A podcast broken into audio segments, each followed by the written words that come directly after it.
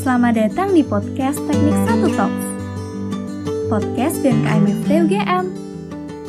Selamat mendengarkan.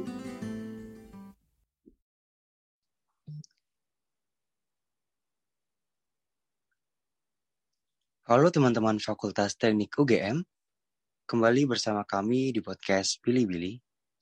Buat para pendengar yang baru pertama kali mendengarkan, Podcast Bili-Bili ini merupakan kepanjangan dari podcast Bincang Lingkungan, Bicara Lingkungan. Podcast ini disusun oleh Kementerian Lingkungan Hidup dari BMKM FT UGM untuk membahas seputar isu-isu lingkungan yang sedang terjadi. Sebelum bahas-bahas sedikit nih tentang topik hari ini, saya mau kenalan dulu. Perkenalkan, nama saya Muhammad Fatku Rizal atau biasa dipanggil Rizal dari jurusan Teknik Geologi angkatan 2021. Saya di sini sebagai moderator yang akan menemani kalian di podcast kali ini. Hari ini kami akan membahas topik yang sedang booming akhir-akhir ini, yaitu mengenai kualitas udara di DKI Jakarta yang menjadi nomor satu terburuk di dunia. Dalam membahas topik kali ini, podcast Billy-Billy telah mengundang Bapak Disawung, Manajer Infrastruktur dan Tata Ruang dari Walhi, untuk mengulas lebih lanjut nih. Nah, monggo kepada Bapak Sawung dipersilakan untuk memperkenalkan dirinya terlebih dahulu. Halo, selamat pagi. Saya uh, Dwi Sawung. Saya sekarang uh, bekerja di Wahana Lingkungan Hidup Indonesia sebagai manajer kampanye infrastruktur dan tata ruang. Oke, kalau boleh tahu Bapak Sawung ini sedang berada di mana? Saya sekarang sedang berada di Jakarta. Hmm, baik Pak. Apakah di ini rumah di Bapak sedang di rumah atau sedang bekerja? Kebetulan lagi sedang di kantor. Baik Pak. Terima kasih ya Pak Sawung atas perkenalannya dan sebelumnya kami juga mengucapkan terima kasih Bapak sudah meluangkan waktunya untuk hadir dan pastinya bisa memberikan ilmu sehabis ini di podcast pada kali ini. Ya, sama-sama. Baik. Tanpa berlama-lama lagi, kita langsung masuk ke pembahasan saja.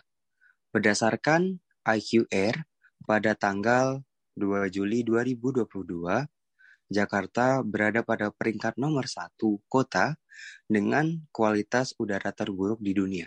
Dengan indeks kualitas udara pada angka 165 alias tidak sehat, dan polutan utamanya adalah PM 2.5. Peringkat nomor satu ini juga terjadi beberapa kali, terutama pada bulan Juni lalu. Dalam hal ini, sempat menjadi buah bibir karena peringkat nomor satu ini yang dialami terjadi saat ulang tahun DKI Jakarta pada 22 Juni 2022. Lalu, bagaimana nih Pak pendapat Bapak Sawong mengenai hal tersebut? Ya, kalau saya lihat ini sebenarnya uh, hal yang berulang terjadi ya di Jakarta uh, pada saat-saat tertentu menjadi uh, daerah dengan kota dengan uh, polusi tertinggi di dunia dan tampaknya uh, segala uh, belum ada upaya yang uh, signifikan yang mempengaruhi uh, uh, kualitas udara Jakarta. Jadi kualitas udara Jakartanya tetap di saat-saat tertentu uh, memburuk begitu ya. Tidak ada uh, perbaikan apalagi kalau kita lihat sesudah uh, aktivitas di Jakarta dan sekitarnya uh, normal kembali pasca pandemi COVID-19. Oke, baik Pak. Uh, kalau misalnya ya, Bapak kan dari kerja bekerja di Jakarta, apakah dengan uh, kondisi yang seperti kita bahas ini dengan realitanya oleh yang Bapak rasakan di Jakarta itu apakah sama atau seperti apa ya?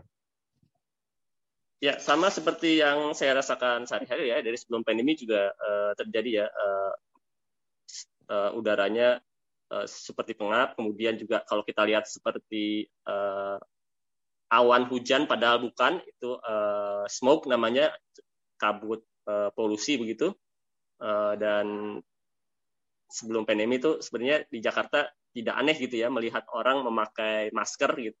Jadi buat uh, orang yang sehari-hari di Jakarta pemandangan orang memakai masker itu tidak aneh dan sekarang juga sebenarnya nggak aneh juga orang pakai masker gitu ya walaupun katanya sudah boleh tidak memakai masker gitu. Oh, jadi memang sama seperti sama saja ya Pak, walaupun ada COVID ataupun tidak. Oke, baik. Uh, ini tentang COVID juga nih Pak. Kalau misal kita mengingat an angka COVID-19 yang sempat menurun, aktivitas itu jadi kian meningkat, terutama di ibu kota. Nah, menurut Bapak Sawung, apakah penurunan angka tersebut memiliki kaitan tersendiri terhadap peningkatan polusi yang terjadi, Pak? Uh, ya sebenarnya ada ini ya ada hubungannya walaupun tidak uh, selalu ya tergantung uh, jenis uh, polutannya begitu ya.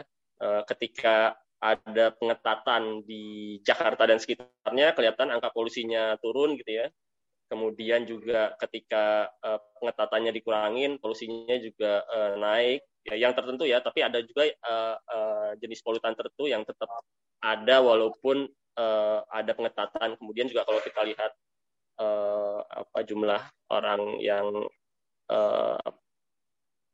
apa terkena penyakit itu sebenarnya bisa dihubungkan juga ya karena memang banyak orang yang paru-parunya atau uh, pernafasannya sebenarnya Eh, sebelum ada COVID juga uh, terganggu gitu ya. Cuma ini uh, perlu penelitian yang lebih uh, dalam lagi gitu ya.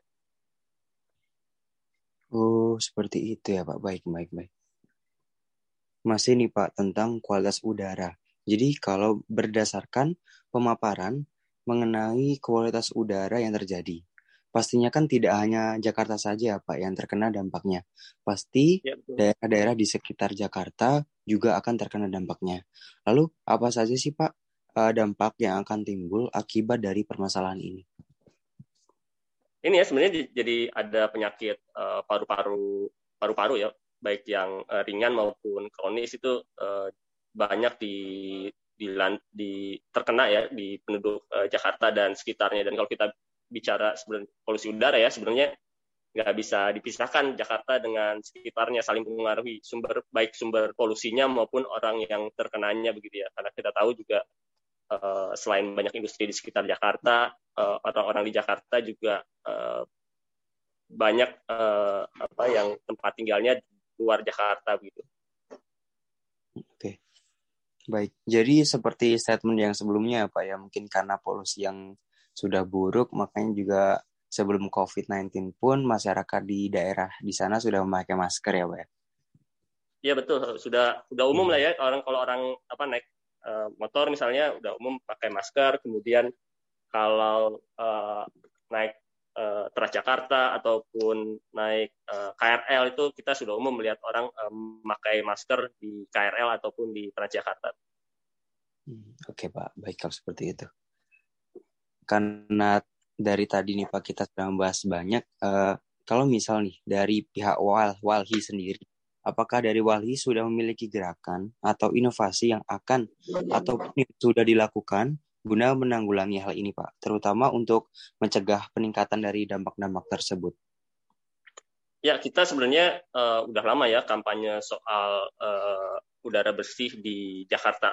Uh, dulu saya lupa ya, akhir 90-an itu saya belum diwali sih sebenarnya atau awal 2000 gitu ya. Kita ada kampanye uh, salah satu sumber pencemar yaitu uh, bahan bakar ya. Kita kampanye uh, penggunaan bahan bakar uh, menghentikan uh, bahan bakar yang uh, mengandung timbal yang polutannya tinggi gitu. Kemudian uh, kampanye juga uh, Car Free Day tahun 2000 2000-an ya. Uh, 2000-an awal kampanye uh, Car Free Day Car Free Day untuk uh, mengurangi polusi udara uh, itu juga Wahi. Kemudian uh, tiga tahun belakangan kita uh, bersama warga yang lain uh, melakukan membantu ya membantu warga melakukan gugatan terhadap beberapa pihak baik di pusat maupun di daerah untuk apa karena kelalaian mereka untuk menanggulangi polusi udara di Jakarta dan alhamdulillah menang ya gugatannya ya dimenangkan oleh pengadilan Jakarta Pusat. Hmm, baik, baik. Lalu kalau misalnya Pak dari segi respon masyarakat di daerah yang sekitar di situ dan apakah respon dari masyarakat itu baik atau sebaliknya atau dari apa masyarakat sekarang sudah dibantu makanya sudah ada peningkatan Pak? Uh, responnya sebenarnya masyarakat ini ya banyak yang ngeluh juga ya, apalagi sudah kita lakukan kampanye dan gugatan itu banyak uh, laporan soal apa, gangguan kesehatan, kemudian juga uh, mereka yang terkena penyakit paru-paru kronis karena polusi udara juga mulai uh, banyak yang menyuarakan apa yang mereka alami gitu ya dan menuntut uh, pemerintah melakukan beberapa hal gitu ya. Uh, dan sekarang sebenarnya beberapa sudah dilakukan tapi ya masih sangat uh, jauh sekali uh, dari uh, tuntutan uh, kami begitu. Baik, baik, baik. Lebih banyak yang mendukungnya sih ya daripada yang uh, kontranya begitu. Oke, berarti masyarakat sudah mulai juga membantu ya, Pak ya? Iya, dan ke kelihatan banget ya kalau di Jakarta itu uh, sampai terlihat uh, oleh uh, mata kita gitu. Si polusinya tuh sampai kelihatan seperti apa ya, uh, kayak mau hujan kabut gitu. Udaranya abu-abu uh, begitu. Tapi bukan hujan, itu sebenarnya polusi udara. Orang bisa lihat dengan uh, jelas begitu Kemudian ketika pandemi kemarin kan sempat ini ya sempat uh, udaranya biru begitu ya gunung-gunung uh, di sebelah apa selatan Jakarta kelihatan orang itu kelihatan sadar juga bahwa wah harusnya kan gunung kalau udaranya normal nggak ada polusi itu bisa kelihatan. Berarti sudah ini ya Pak ya sudah bisa dibilang ada peningkatan kalau misal sampai gunung pun ya ibaratnya gunung bisa terlihat ya Pak ya. Iya itu tapi ya karena pandemi ya nggak alhamdulillah juga sih ya tapi ya pandemi sih sebenarnya menyadarkan bahwa uh, kita harusnya bisa ini ya bisa menghirup udara uh, yang lebih bersih dan sehat. Baik baik semoga di sini masyarakat bisa semakin sadar ya pak ya. Iya uh, dan bukan bukan hanya masyarakat sih sebenarnya uh, pemerintah juga punya peran besar ya untuk mencegah si sumber-sumber polutan kemudian juga uh, untuk menyediakan transportasi publik uh, untuk yang dari kalau sumber polutannya dari kendaraan gitu ya transportasi publik kemudian uh, yang lain-lain ya kayak sumber yang lain-lain uh, PLTU kemudian industri juga pemerintah lebih besar sebenarnya uh, perannya begitu ya dibandingkan uh, masyarakat biasa. Oke oke oke. Nah berhubungan dengan bapak nih ya kan bapak juga sebagai seseorang mungkin yang lebih paham dan terutama peduli akan kesehatan masyarakat serta lingkungan untuk menurut Bapak Sawung nih, apa saja sih yang dapat atau seharusnya yang dilakukan oleh pemerintah untuk menyelesaikan masalah ini? Uh, ada banyak sih ya sebenarnya ya. Uh, sebenarnya harusnya dari awal dia membuat peta jalan pengurangan uh, polusi udara. Tampaknya uh, Jakarta sudah membuat itu ya. Uh, kita juga sempat diberitahu uh, ada soal, ada itu peta jalan untuk pengurangannya. Kemudian nah, daerah-daerah sekitarnya yang belum, uh, karena polusi kan uh, terkait juga dengan polusi udara ya, terkait dengan daerah sekitarnya. Karena nggak dia nggak mengenal bat, apa, batas administratif ya, ada Banten dan Jawa Barat. Nah, itu yang belum Banten dan Jawa Barat. Terutama Banten itu selama gugatan juga tidak pernah hadir sama sekali. Kemudian pemerintah pusat harusnya berperan di sana gitu ya, mengatur daerah-daerah sekitar Jakarta untuk mengendalikan polusinya Kemudian ada beberapa hal lain lain kayak misalnya uh, uh, bahan bakar gitu ya, menyediakan bahan bakar dan kendaraan uh, yang uh, emisinya rendah begitu ya. Dan mulai melarang bahan bakar dan kendaraan yang emisinya tinggi di seputar apa di sekitaran Jakarta. Uh, kemudian juga memperketat uh, emisi dari uh, industri begitu dan terutama sebenarnya pengaturan transportasi apa transportasi publik juga perlu di apa uh, diatur. Sekarang jumlahnya masih sangat kurang sekali ya. Uh, setahu saya masih hanya melayani sekitar uh, 10% uh, penduduk yang melakukan mobilitas di Jakarta dan sekitarnya begitu. Harusnya lebih ditingkatin lagi begitu si persentasenya. Oh seperti itu ya pak.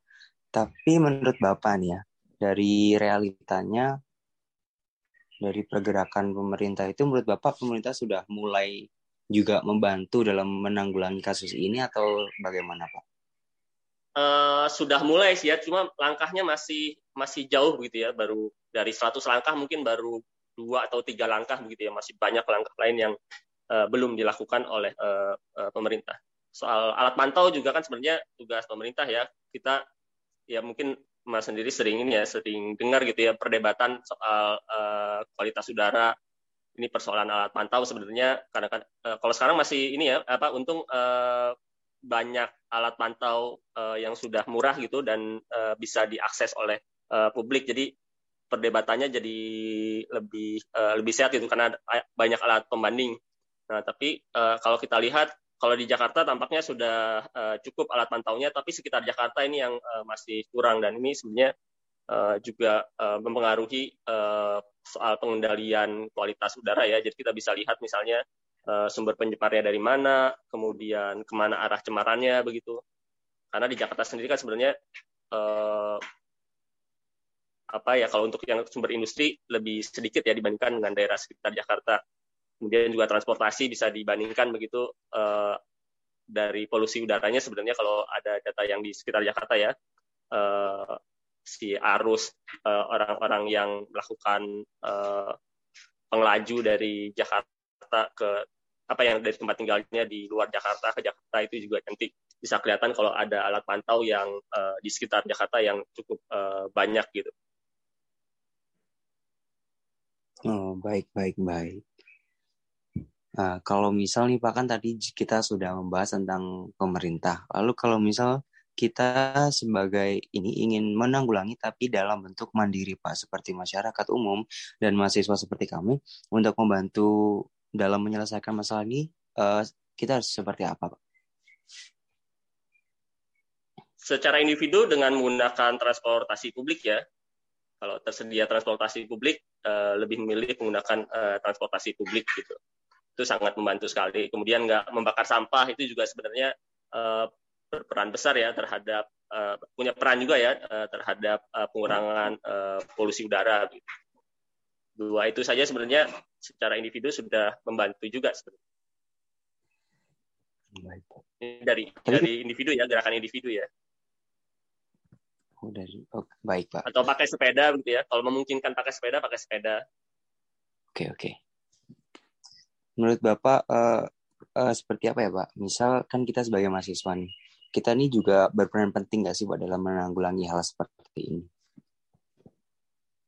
Iya, perannya penting juga ya, mendesak gitu ya. Kita juga sebenarnya dibantu banyak teman-teman mahasiswa yang melakukan desakan pemerintah untuk melakukan misalnya beberapa pembatasan gitu teman-teman mahasiswa banyak membantu di kampanye di kampanye sebenarnya bukan cuma mahasiswa ya cuma anak-anak muda gitu kayak tren sepeda kan banyak kan sebenarnya anak-anak muda ya yang pakai sepeda gitu balik kemarin sempat tren sepeda banyak banget gitu nah baik pak oke pak karena sudah di, uh, di akhir ini juga di akhir waktu podcast saya izin untuk membacakan kesimpulan-kesimpulan ya Pak dari yang sudah Bapak paparkan. Ya, boleh. Oke. Sebelum mengakhiri podcast kali ini, mungkin saya ingin merekap pembahasan dengan Pak Sawung pada hari ini. Jadi, memang benar kondisi udara di Jakarta sudah mengkhawatirkan. Berdasarkan pengalaman yang dialami Pak Sawung yang kini bermukim di Jakarta, hal ini sebenarnya makin memperburuk karena pemberlakuan PPKM di Jakarta telah selesai. Dari Walhi sendiri juga sudah banyak aksi yang dilakukan seperti pengkampanyan mengenai pencegahan polusi, seperti Car Free Day, bahkan hingga menggugat pemerintah daerah hingga pusat yang dinilai lalai dalam mengatasi permasalahan polusi di DKI Jakarta.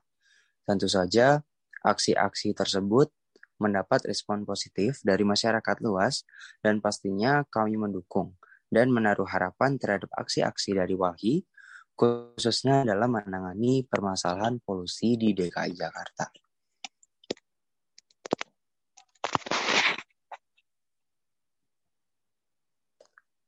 Baik, uh, ini uh, kita dapat kesimpulan yang sangat insightful ya Bapak ya. Bapak sudah sangat keren ini memberikan kami mahasiswa banyak masukan dan saran biar kita di sama-sama nih mahasiswa sama-sama untuk sama-sama mencegah penanggulangan polusi udara ya Pak. Bukan hanya di DKI Jakarta, mungkin kami sebagai mahasiswa juga bisa menerapkan di seluruh wilayah di Indonesia ya Pak ya. Ya, mudah-mudahan uh, makin ini ya uh, udaranya makin bersih ya, nggak malah makin buruk gitu. Yep. Amin amin. Pastinya kami mahasiswa harus tetap semangat dan bisalah nanti kita jadi mahasiswa yang hebat untuk apa? Untuk membangun negeri ini apa ya biar semuanya bisa terjaga lingkungannya. Ya betul ini karena ini bersama juga kan tugas bersama juga eh, apa, soal lingkungan kan bukan tugas uh, wali aja tapi tugas uh, sama setiap orang ya untuk menjaga lingkungan uh, supaya uh, lebih baik gitu. Baik Pak. Untuk menutup podcast Billy-Billy pada hari ini, mungkin Bapak Walhi boleh nih memberi pesan untuk masyarakat dan mahasiswa Fakultas Teknik UGM khususnya agar kami lebih aware terhadap isu-isu lingkungan dalam hal ini terutama mengenai kualitas udara yang hari kian hari semakin memburuk. Ya, kualitas udara eh, sangat penting ya untuk eh, kesehatan kita dan ketika eh, terjadi cemaran itu tidak peduli siapa pun yang melakukan eh, pencemaran semuanya bakal kena dan bakal eh, berdampak eh, panjang gitu dan sangat sulit untuk mengatasinya. Eh, kita secara bersama harus uh, berusaha uh, mengendalikan atau uh, mulai uh, melakukan tindakan-tindakan untuk uh, menjaga supaya udara kita uh, makin membaik ya bukan malah uh, makin memburuk gitu dengan berbagai tindakan yang bisa kita lakukan uh, secara individu ataupun kelompok itu saya pesan dari saya. Oke. Ya itu ya teman-teman semuanya yang udah dengerin podcast kali ini bisa nih dijalankan, diresapi baik-baik pesan dari Pak Sawung. Baik, terima kasih ya Pak. Terima kasih banyak sebesar-besarnya kepada Bapak Sawung yang telah meluangkan waktunya dan telah berbagi banyak sekali ilmu kepada kami pada hari ini. Semoga Bapak senantiasa diberikan kesehatan dan kesuksesan. Amin. Sebelum mengakhiri podcast pada hari ini, mungkin saya ingin uh, mengucapkan kembali terima kasih juga kepada teman-teman yang selalu mendengarkan podcast Billy-Billy dan juga bisa menjadi mahasiswa yang sama-sama aktif dalam menjaga lingkungan. Saya, sebagai moderator, ingin meminta maaf sebanyak-banyaknya jika ada salah kata. Semoga teman-teman semua mendapatkan banyak wawasan baru setelah mendengarkan podcast kali ini. Kalau begitu, mari kita tutup podcast episode mengenai kualitas udara DKI Jakarta yang sempat menduduki peringkat nomor satu di dunia. Sampai jumpa di podcast Bilibili episode selanjutnya.